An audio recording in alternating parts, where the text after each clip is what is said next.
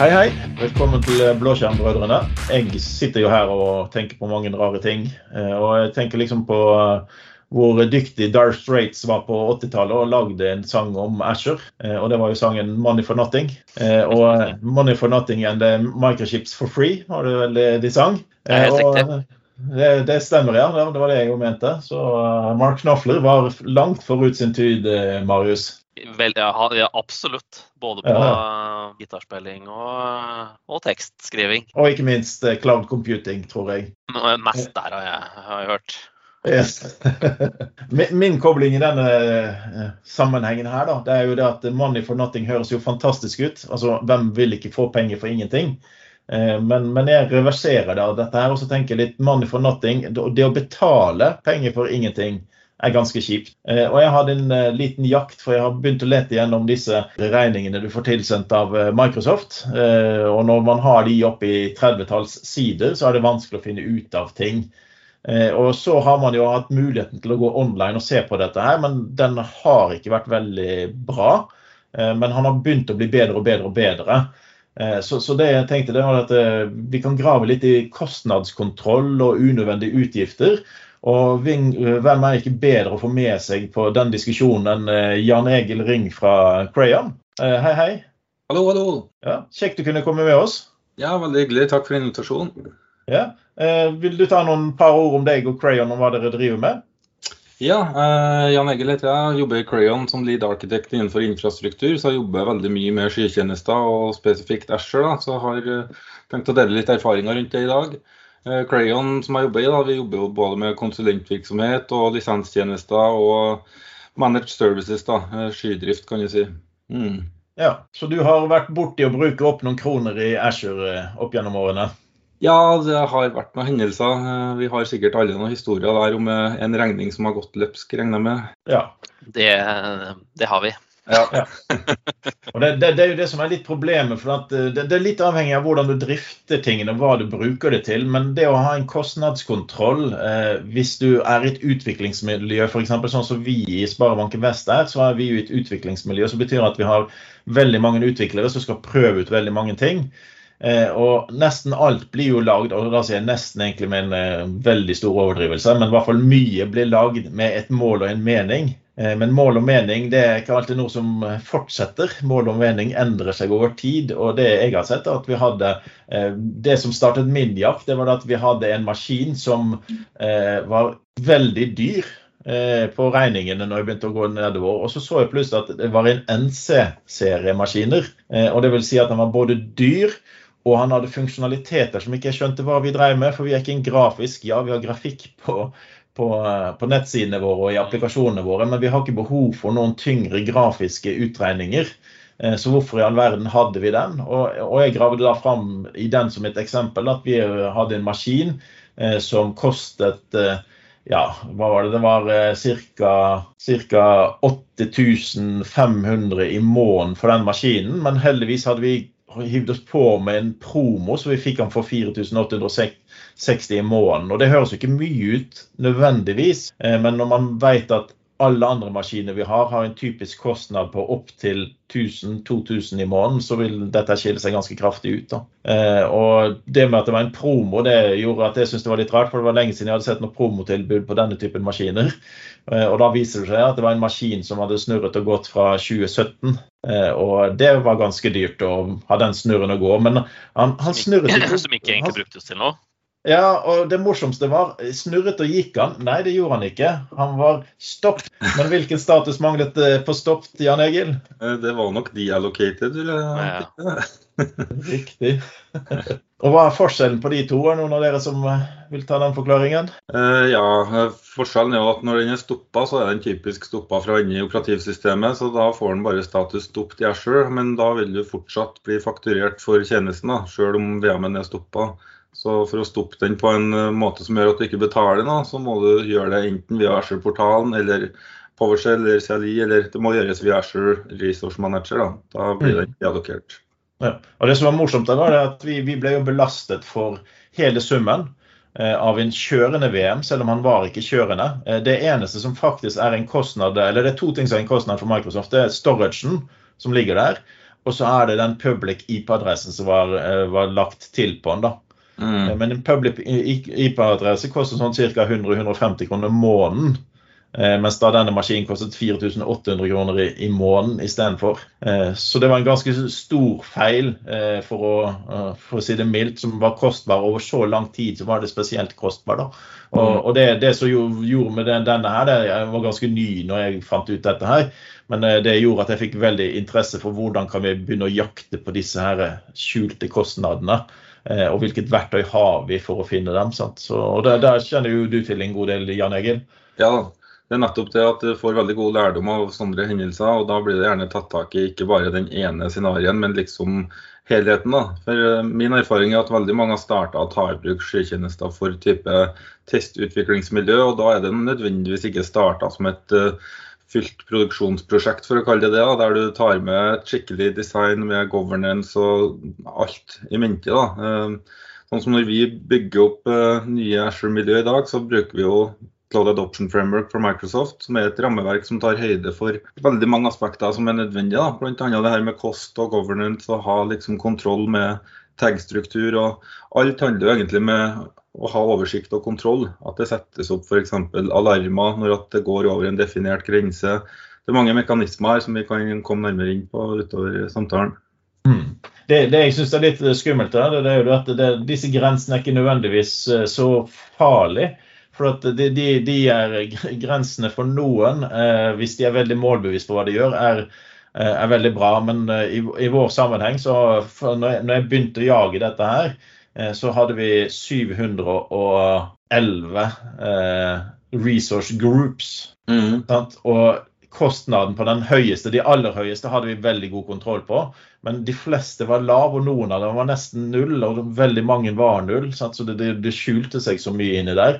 Så istedenfor at vi har noe som skiller seg ut med veldig høye kostnader, så har vi veldig mye som ligger med døde, små kostnader. Og det, det blir jo ganske mye over et år, altså om en maskin koster 1000 ja. kroner. Ja, for det er liksom hvis du har 1000 kroner her og 1000 kroner der og 1000 kroner der, så blir det fort mye. Hvis du har ja, si at du har 711, var det det du sa? 711 tusenlapper, da. Så ja.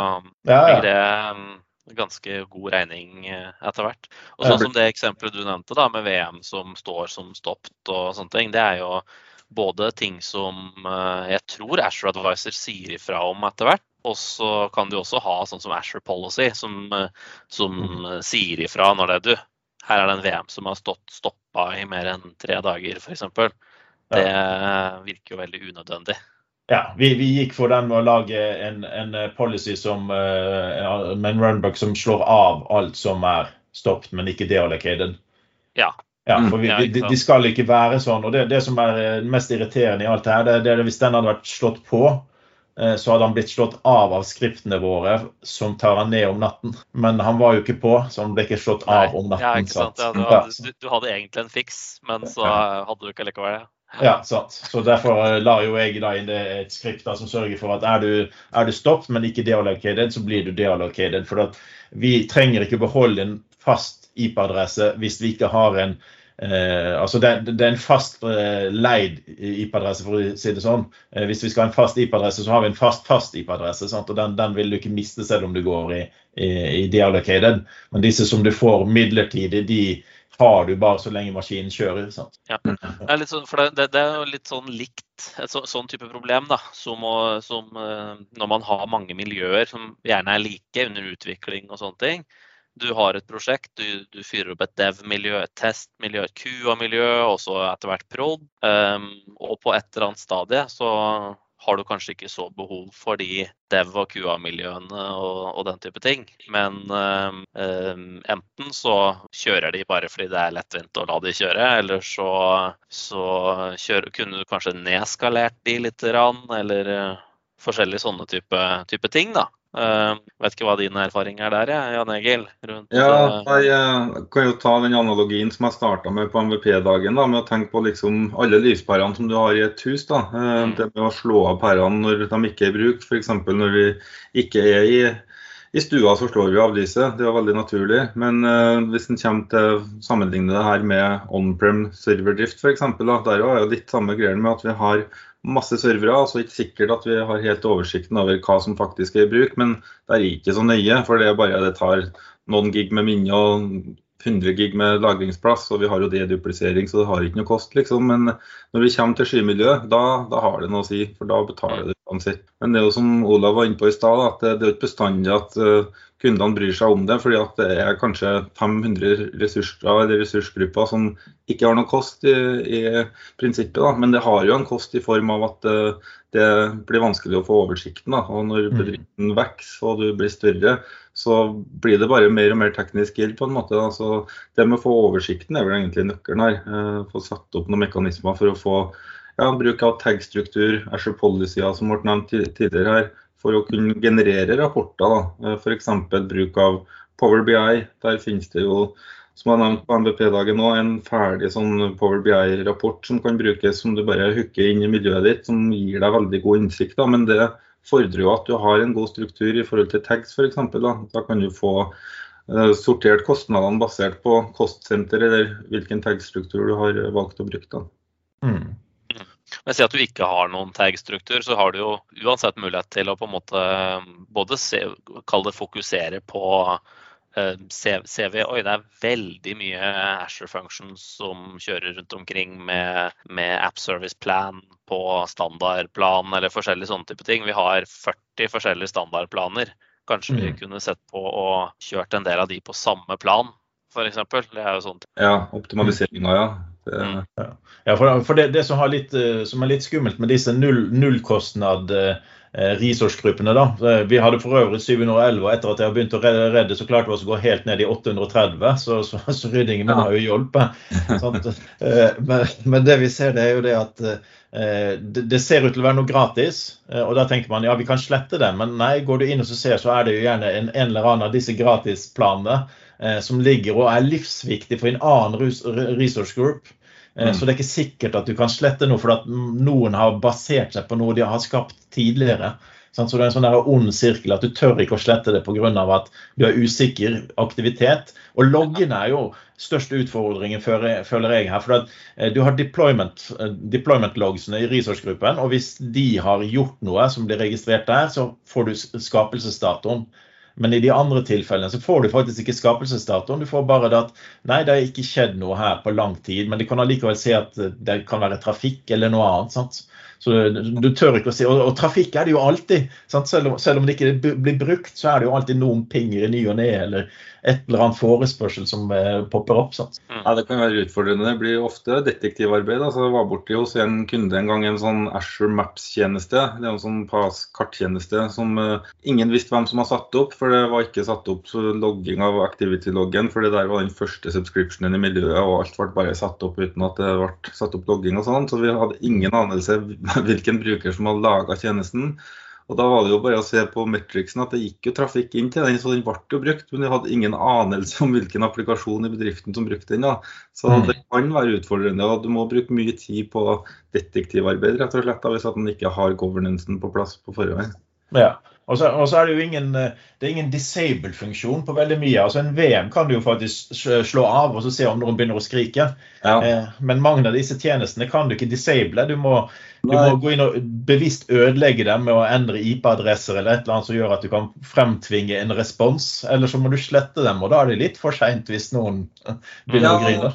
Ikke sant? Det er jo ikke alle tjenestene som kan settes opp 100 likt. Eller det kan jo hende at en får en annen public IP, og så er det noe whitelisting mot den IP. Men Det er fort gjort at du kan brekke ting. Ja. ja.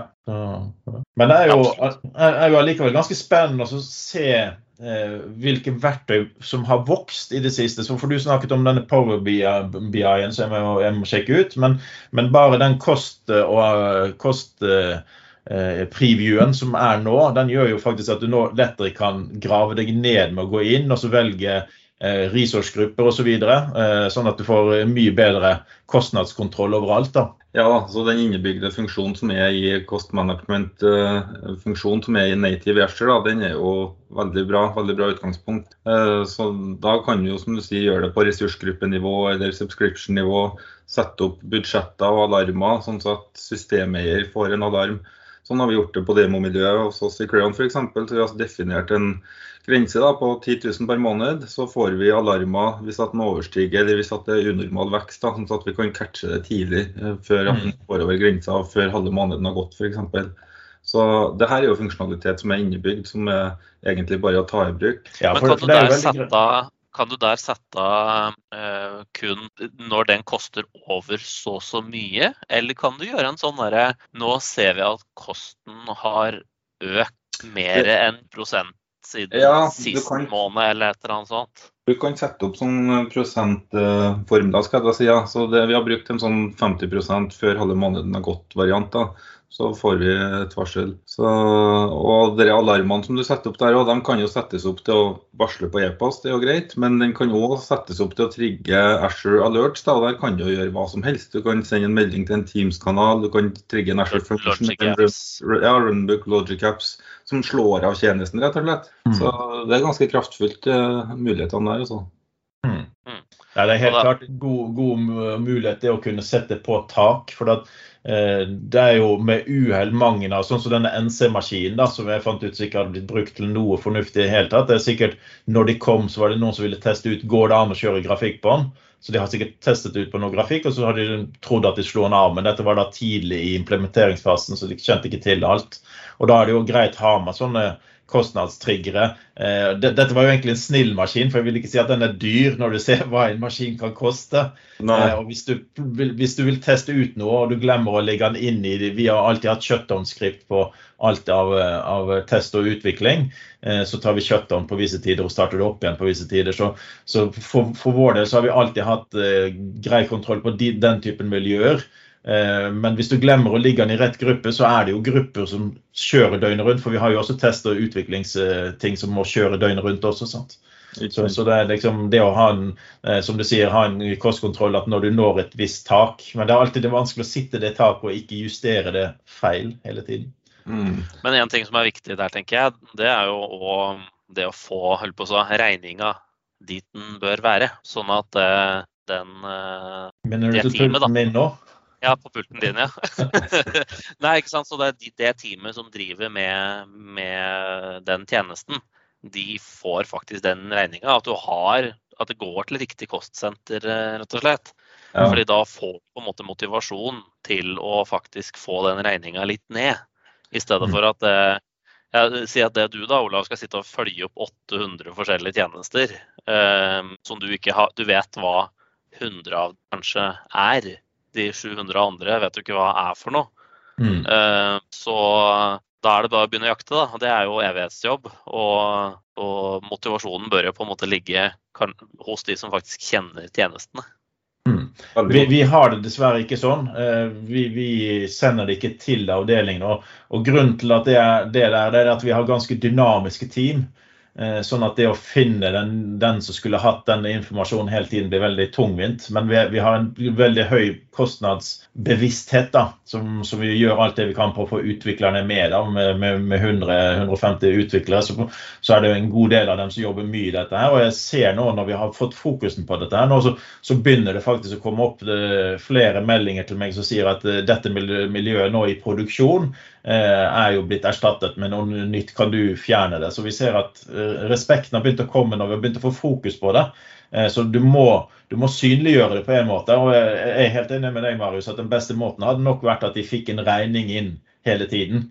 Eh, men, men det er der vi kommer inn med disse taggene og, og disse Power BI-ene som jeg må sjekke litt mer ut, for den så veldig, veldig tøff ut. Eh, for vi, vi, tagger alt med en ovner og en applikasjon som minimum. Eh, og da vet vi hva som kjører og hvem som eier det, og da kan vi ta det videre hvis den eieren fortsatt finner, finnes. da, Hvis ikke må vi finne ut hvem som har tatt over den rollen.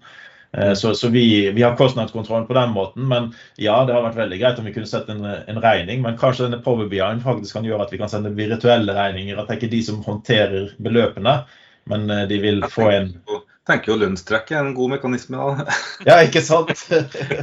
på lik linje med mobiltelefonen, bare sånne avstemninger på TV og sånn, så gjør det samme ja, ja. greia her. Ja, sant. Ja, men det er veldig godt poeng det også, for Tradisjonelt sett on-prem så har jo IT-avdelinga hatt et budsjett, og de avdelingene som skal ha en ny tjeneste, kommer bare med en bestilling at vi skal ha x antall servere med den sprekken her. Og så er IT sitt budsjett som må betale for eventuell utvidelse av serverkapasitet, SAN og det som trengs. da. Så, men Sky endrer jo alt det her, og det er jo en del av den digitale transformasjonen. vil jeg si da, At folk må på en måte tilpasse organisasjonen og hvordan budsjetter legges og alt det her. og Det, det er jo ikke noe svart-hvitt-bilde, det. Det er jo forskjellig fra bedrift til bedrift. Mm. Men, men, det IT kan, kan, gjøre der, da. Eh, for nå har vi prata mye rundt på en måte kalle det når kosten oppstår. Eh, men eh, i, i Azure så har du jo veldig mange tjenester som du kan eller du kan gjøre designet lurt, da, arkitekturen din. Right. Eh, I den form av at eh, du kan sammenstille en del løsninger. F.eks. Um, det du jo typisk gjør hvis du skal kjøre Asher i litt stor grad, det er jo at du kjører type Enterprise Scale landing zones eller noe lignende, hvor, hvor tjenestene ligger ute i landingssoner, og så har du en del, en del sentrale komponenter som tilbys fra type en hub, da, eller et sentralt punkt ikke sant, i, i Azure-miljøet ditt. Og um, hvis du har 60 eh, forskjellige API-er som skal tilbys ut til, eh, til, kunder og alt mulig, og ti av de, skal, skal, kjøre opp sin egen instans av uh, Azure API Management, f.eks., da blir det fryktelig dyrt. Da, der, da, er det på en måte det å kunne, kunne si at vi har API Management som en del av plattformen. Vi har én instans som er på en måte prod.-instansen vår, og den tilbys fra, fra, den huben. Og alle de landingssonene de bør konsumere den tjenesten fra, fra huben, fordi der har vi på en måte allerede betalt for den, for den tjenesten, eller den instansen av, av API Management eh, eksempelvis. Da. Og det mm. samme gjelder jo mange andre ting også. Frontdoor, application gateway, eh, eventuelt app service plans også. Hvis du har veldig mange websider, og at de kan dele, dele app service plan f.eks. I stedet for at alle har, har, sin egen plan. Så på en måte planlegging av miljøet, da. Mm. Det er jo ganske vesentlig. Der IT kommer inn i bildet med rådgivning på en måte mm. på designsida og smartness der, ja. Uh, apropos det med fellestjenester, så er jo en av de tingene som kom for jeg husker ikke hvor lenge siden det var. Uh, det er en blogg som, som På Asher-bloggen så har du en kategori som heter Asher Cost Management and Building, og der kommer det sånn oppdateringer hver måned. Og en av oppdateringene som kom der, jeg husker ikke nøyaktig når, men det var noen måneder siden, tror jeg så kom det muligheten for å sette opp en fordelingsnøkkel da, på de tjenestene som er fellestjenester. Så du kan sette opp f.eks. at du skal dele felleskostnaden helt likt, eller du kan sette opp en fordelingsnøkkel basert på noe som du bestemmer. Da. Så Det er jo bare en, enda et eksempel på at den innebygde tjenesten i Azure kan brukes til fordeling av kostnader, f.eks. Ja, spennende. Ja, det har ikke jeg fått med, jeg må innrømme. Så, Nei, det, det, er så mye som skjer. Det er ingen som får med seg alt. Nei.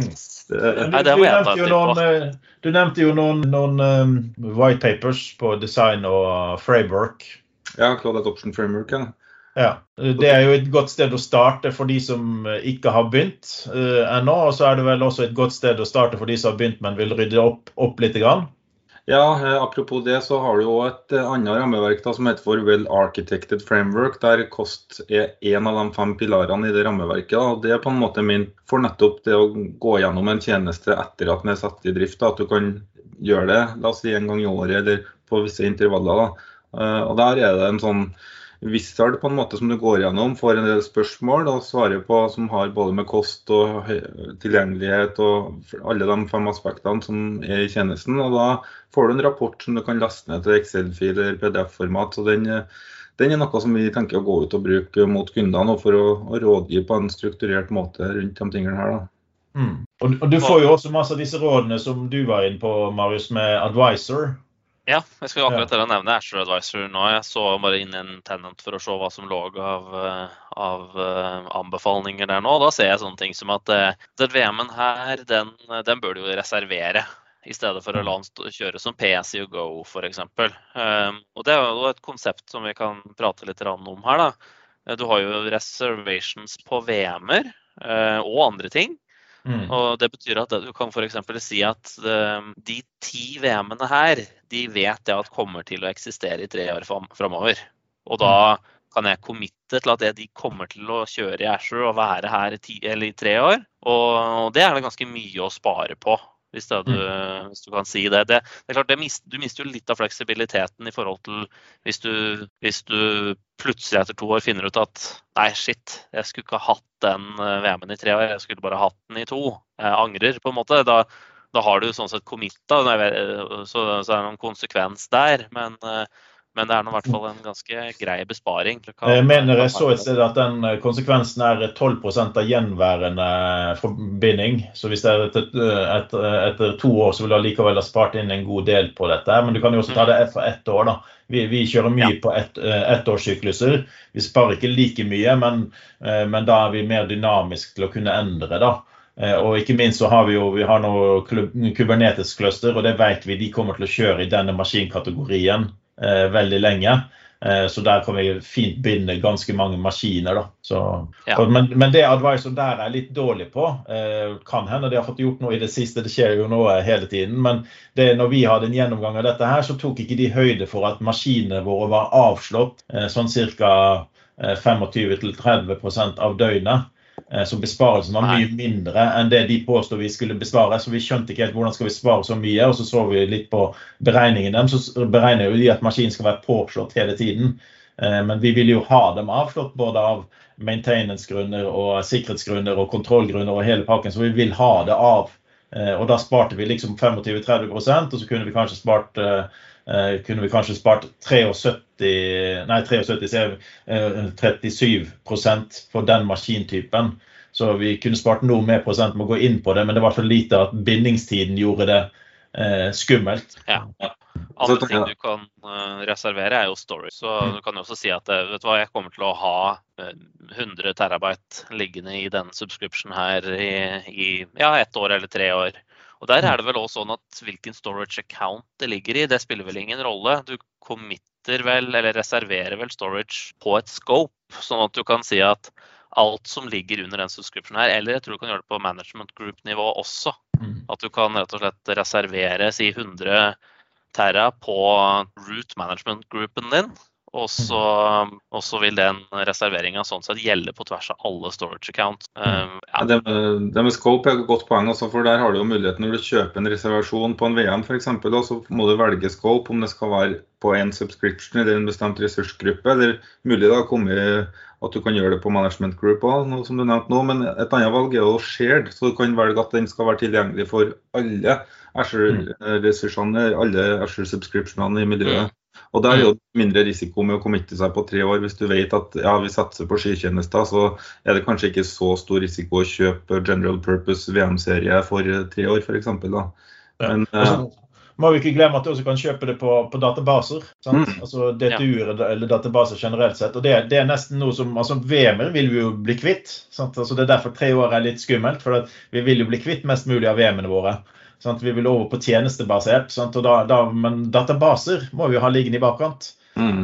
Og, der kommer vi, jeg så på en av advisor-rådene. Jeg fikk en, fikk en melding av, eh, av, et utviklerteam som sier at eh, kan vi få lov å åpne DTU-en eh, til 400 DTU istedenfor 200 DTU. For vi merker at det går veldig seint hver gang det blir, blir, brukt. Og jeg gikk inn og analyserte litt, og så så jeg at han lå jo veldig opp, opp Eh, ofte opp mot 100 eh, og det ønsker du ikke. Eh, for da betyr det at noen har dårlige opplevelser av dette. her. Og så tenkte vi da at ja, da, da, er det jo logisk. Vi, vi øker til 400 DTU. Og så sjekket jeg prisen. Jo, det var en nøyaktig dobling av prisen på DTU-ene. Men selvfølgelig så måtte jeg jo grave litt mer, og så gikk jeg inn og så, så på advisoren. Og, og da var det fem-seks råd om optimalisering av databasen og indekseringer. Eh, og det vi gjorde da, det var det at ja, jeg åpnet opp DTU-en til 400. Eh, så kjørte vi alle optimaliseringene, for vi hadde ikke klart å kjøre dem og betjene kunder samtidig hvis vi ikke hadde hatt litt mer DTU da. Og så når vi hadde kjørt alle optimaliseringene, så gikk vi tilbake igjen til 200 DTU, og så ligger vi på 30 eh, ytelse på, på maks. Sant? Ja, ikke sant. Så, så advisor, det, der kommer det enormt mange gode råd. Så de bør man faktisk sjekke på alt med jevne mellomrom og være sikker på at man ignorerer de rette. For det var ikke alle vi kunne kjøre der heller. Men vi kunne kjøre fire av fem anbefalinger, og det medførte jo det at vi, vi sparte jo 70% ytelse, og ikke minst en fordobling av prisen på tjenesten, som var totalt unødvendig. Mm. Det, for det, det, er liksom en indeksering av noen kolonner og forskjellige sånne enkle grep, egentlig, som, som kan mm. være, i hvert fall. Ja. Så, mm. Ja, sant? Og, og, der var det advisoren som kom opp. Uh, vi kan også uh, leie uh, DTU eller SQL-database, sånn, så, sånn, sånn, at vi har reserved, reserved, instances der. Men uansett, så tenk litt på om du har optimalisert. Og det gjelder jo egentlig over hele fjølen. Er det noen optimal... Altså det, advisoren er jo delt inn i kost og, og ytelse. Og så er ikke det en tredje ting som ligger der? Kost, ytelse og Sikker, Sikkerhet. Kost, ytelse og sikkerhet. sant? Så det er liksom de tre primærtingene du får inn, og du bør, du bør helst følge så mange av dem som mulig. Mm. Men et annet poeng som jeg har tenkt å nevne rundt med reservasjoner på Ignite for en måneds tid siden, så kom det jo preview av en ny type reservasjoner som heter for On Demand Capacity Reservations for virtuelle maskiner. Og det som mange tror når de går til sky, er jo at uh, du har muligheten til å opprette helt ubegrensa antall virtuelle maskiner. Men i realiteten så Microsoft har jo, de må jo sitte og ha en viss kontroll over hvor mange som kan opprettes potensielt på samme tid, for å faktisk ha planlegge hardwaren på sin side òg. Så hvis du går inn på en subscription Asher, så går du ned på noe som heter usage and quotas. Så vil du se, hvis du velger lokasjon og tjenesten compute, så vil du se hvor mange totale regionale virtuelle cores kan du bruke, og så ser du òg grensene per VM-serie. Så Hvis jeg ikke tar helt feil, så tror jeg at 350 V-course er default-grensa på total regional course. Mm. Eh, for det som jeg har sett veldig ofte.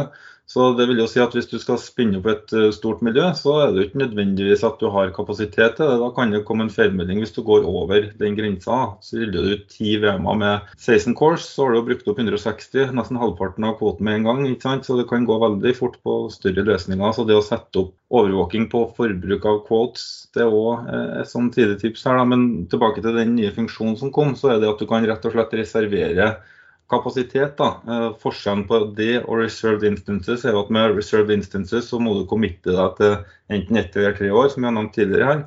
Eh, det er ikke noe sånn med capacity reservation så trenger du ikke å committe deg til Du kan bare selge den igjen eller angre deg en uke etterpå eller noen dager etterpå. Men da kan du kjøpe på forhånd, sånn at du vet at når det prosjektet kommer, så vet du at Microsoft har satt av compute til deg. Eh, det andre scenarioet er jo kanskje i forhold til disaster recovery. At i disaster recovery-regionen for deg, om det er Norway West, som er Stavanger, eller om det er North Europe, hvis du har primær i West Europe, så kan du kjøpe disaster recovery-kapasitet.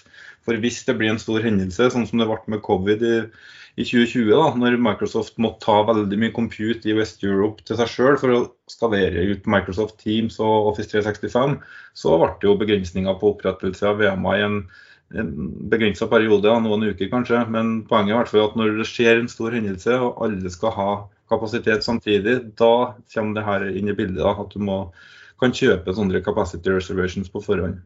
Mm. Men, men, du kan jo søke om å få flere course hvis du trenger det. For det har jo vi måtte gjøre i flere tilfeller. Mm. Eh, så, så, det er mulig å søke om det, men det er jo ingen garanti, som du sier.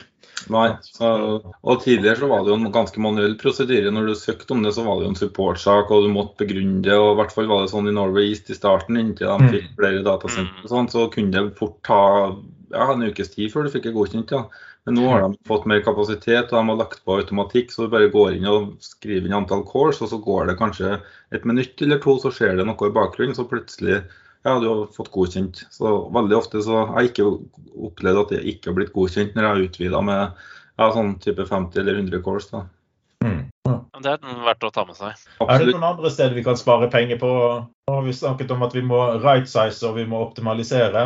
Ja, story, det er mer, det er, altså, jeg har jo flere eksempler på optimalisering. da. Storage tears f.eks.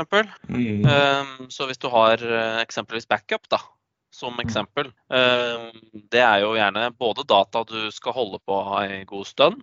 Ehm, så, så, så, sånn sett så kan du committe til, til ehm, storage på det, men du har også da forskjellige det som kalles storage tears, da.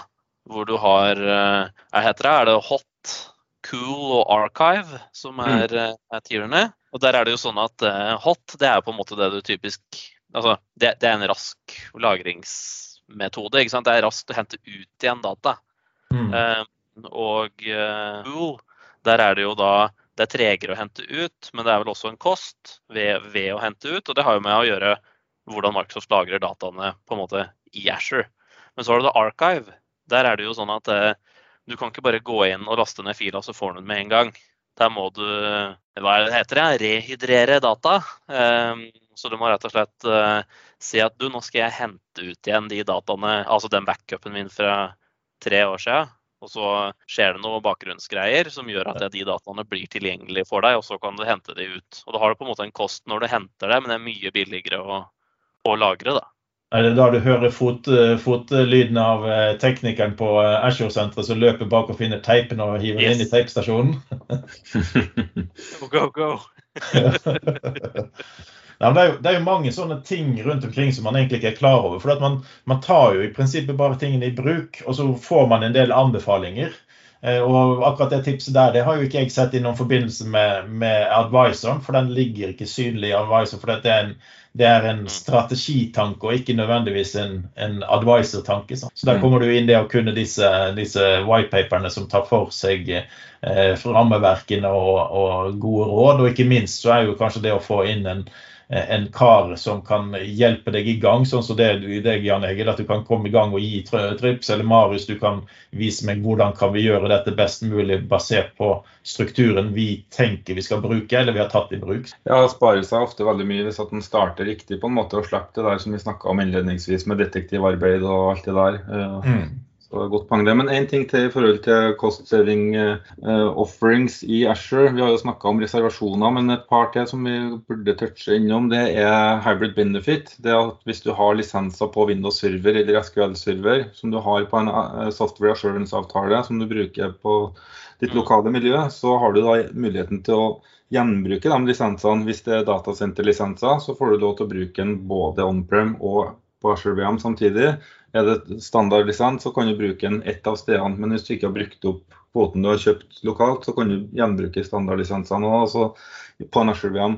Så det der er egentlig bare en hake som du går inn i Azure-portalen, setter på en hake for at du vil bruke hybrid benefit, eller du kan gjøre det med PowerShell eller CLI hvis du ønsker det. Men det der er sånn, for å være compliant så må du holde, holde styr på regnestykket, da, om du har nok uh, nok eh, ledige lisenser skal jeg si, som ikke er brukt on-prem, eller om du har nok datasenterlisenser til at du kan, kan gjøre det. Da. Men her kan du spare opptil 40 da, på, på en Windows VM pga. lisensieringa. Men hvordan telles en datasenterlisens nå i disse dager? da? Altså Hvis man har et, eh, et on-prem-miljø og har eh, ti bokser med datasenter. Ja, det er jo per prosessorlisens, eh, skal jeg si, så det er jo sånn to prosessorlisenser. Og så er det delt inn i sett med 16 cores-lisenser der. og Da får du bytte inn de 16 core-lisensene i to instanser med 8 cores VM f.eks. Altså, det er et regnestykke å holde styr på det der òg vi kommer egentlig tilbake til at det blir egentlig en heltidsstilling tror jeg, å holde styr på alt det her med regnestykket for hva, hva som lønner seg i forhold til reservasjoner, regnestykket på hybrid benefit og sånn. Så mm. Om en har noen som får oppgaven internt, eller så kan du så klart kjøpe det som en tjeneste. da, sånn som I Crayon så har vi jo en egen sånn Cloud Economics-avdeling der det sitter konsulenter som jobber med det her hele tida og har det i fingrene. Så det er sånn, ja, kommer an på hvordan man vil gjøre det. da. Mm, spennende. Eh, jeg ser at tiden løper litt sånn fra oss, men, men, jeg kunne godt tenkt meg at vi tar en eh, diskusjon eh, videre om ikke så altfor lenge, hvis det hadde passet med dere. Absolutt. Ja, for vi har jo bare scratchet litt på dette her, og vi kan kanskje komme med noen direkte råd og noen, ikke minst noen eksempler til på, på hvordan ting kan gå gale. Ja, da, vi har både eksempler på PowerShell-skript for å starte stoppe ting, og flere ting som vi ikke har rukket å touche ennå på tida som vi har nå, så vi kan godt ta en follow-up senere. Ja, Det hadde vært veldig bra. og da, da, skal vi passe på at vi legger inn jeg skal legge inn den linken eller navnet på den uh, Azure Cost Management Power BI-appen, sånn at folk kan uh, få leke seg litt med den. Uh, og den linken vi har også snakket om, Azure Cost Management Billing Updates fra Microsoft, så den skal jeg legge inn i i teksten på denne episoden. Og samme kommer vi til å gjøre på neste episode. Hvis vi får noen kule klipp av deg, Jan Egil eller Marius, så skal vi sørge for at de, ligger linket til i neste episode. Hmm. Ja, OK, men da må jeg bare si takk for denne gang, så snakkes vi snart. Det gjør vi. Takk for nå. Hei ho.